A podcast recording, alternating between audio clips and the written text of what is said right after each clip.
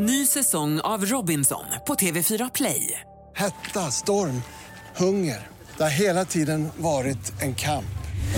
Nu är det blod och tårar. Fan händer just nu. Det. Detta är inte okej. Robinson 2024, nu fucking kör vi! Streama söndag på TV4 Play. Du lyssnar på en podcast från Expressen. Ansvarig utgivare är Thomas Mattsson.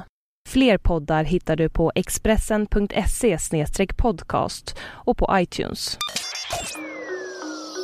Det här är Expressen Dokument om Sergejs farliga yrke, att avslöja Putins maffia, av Andreas Utterström, som jag, Johan Bengtsson, läser upp. Vinter-OS i Sochi har satt fokus på korruption och brott mot mänskliga rättigheter i Ryssland. Men den som granskar makten gör det med livet som insats. Expressen har träffat Sergej Kanev, reporten som har fått dödshot, blivit överfallen i trapphuset och torterad med strykjärn.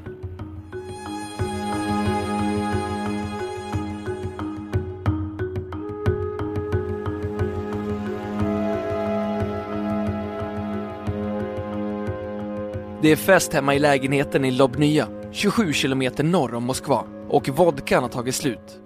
Sergej Kanevs kompis går för att hämta en ny flaska, men han glömmer att stänga dörren. Och kort därefter tar sex okända män chansen att rusa in i lägenheten.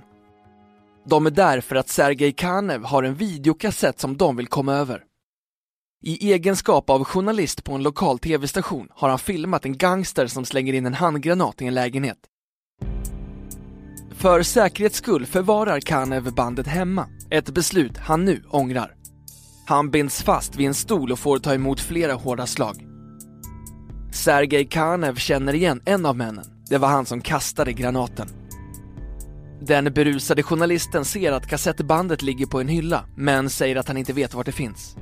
Inte ens ett skållhett strykjärn mot bröstet och lukten av sin egen brända hud får honom att ändra sig.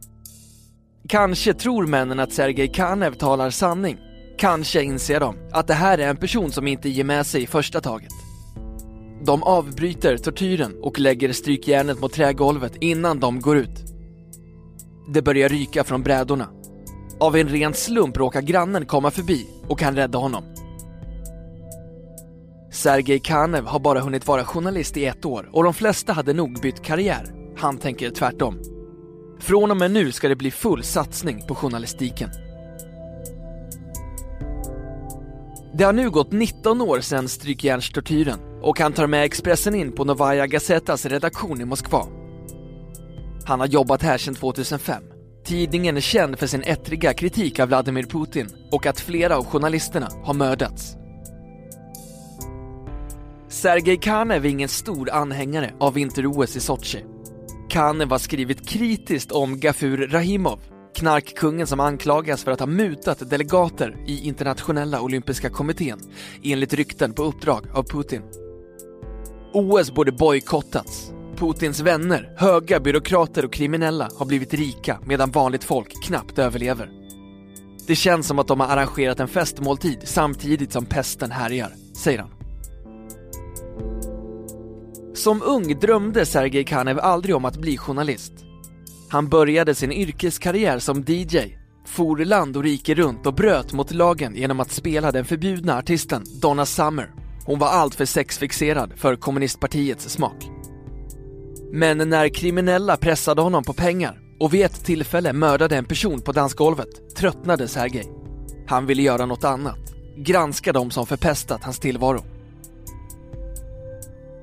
Att bevaka organiserad brottslighet och korruption inom poliskåren, som blivit hans specialitet, är förenat med stora risker. Sergej Kanev får regelbundet ta emot obehagliga brev och mejl och telefonhot. Som person är Sergej en sann vän. Som reporter en bulldog, säger Sergej Sokolov, biträdande chefredaktör på Novaja Gazeta. Egenskapen orsakar ibland panik bland de som blir föremål för granskningar. Det händer regelbundet att de försöker köpa sig fria. Oftast erbjuds Sergej Kanev 10 till 15 000 kronor i kontanter, gratis besök hos prostituerade eller resor till Thailand. Men ibland tar de till våld. Kanev berättar om ett sånt tillfälle. Det började med att han var i Kaliningrad för att undersöka ett tips om smuggling. Han fick tillgång till några avlyssnade telefonsamtal där två män diskuterade kontanthantering. Sergej Kanev fortsatte att gräva i historien och nu spred sig ryktet om den kommande artikeln. När fotarbetet var klart reste han tillbaka till Moskva för att skriva storyn.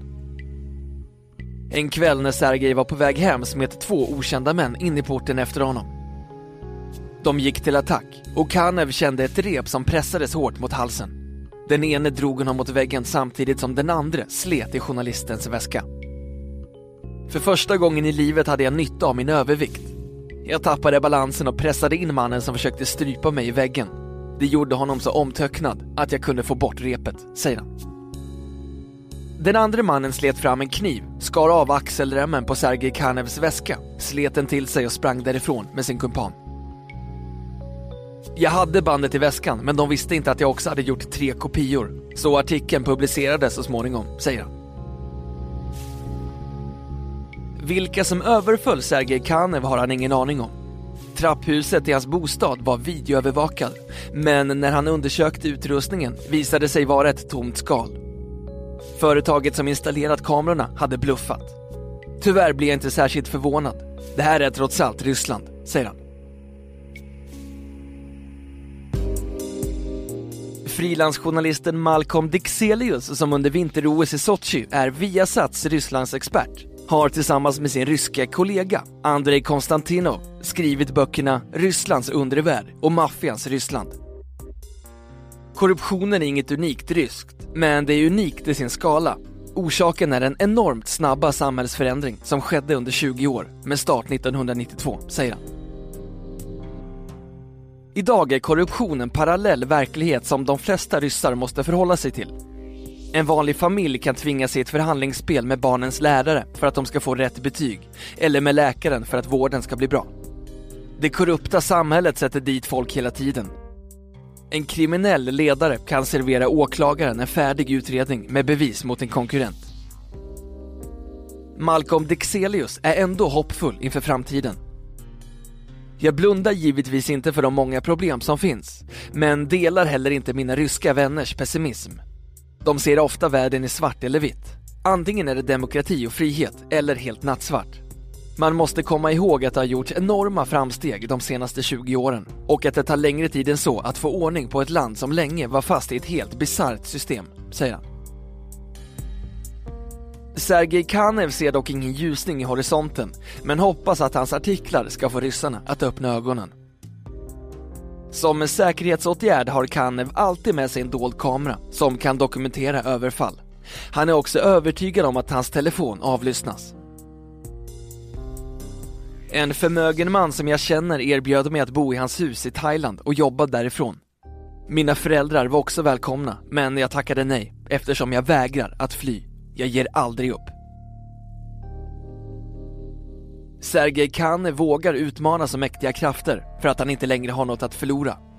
Fram till för åtta år sedan levde Sergej Kanev ett vanligt familjeliv med fru och två barn. Idag är de andra tre begravda på en rysk-ortodox kyrkogård utanför Moskva. Hans son Ivan, 25 år gammal, gick bort en månad före systern. Han dog i en överdos av krokodil, ögondroppar som injiceras av desperata missbrukare. Dottern Kaita gick bort 2011, bara 22 år gammal, ihjälslagen av en missbrukande pojkvän. Jag hade köpt en brudklänning som hon skulle använda i framtiden. Nu är hon begravd i slöjan, säger han.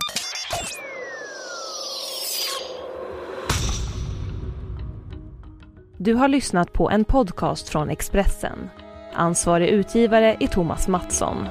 Fler poddar finns på Expressen.se och på iTunes.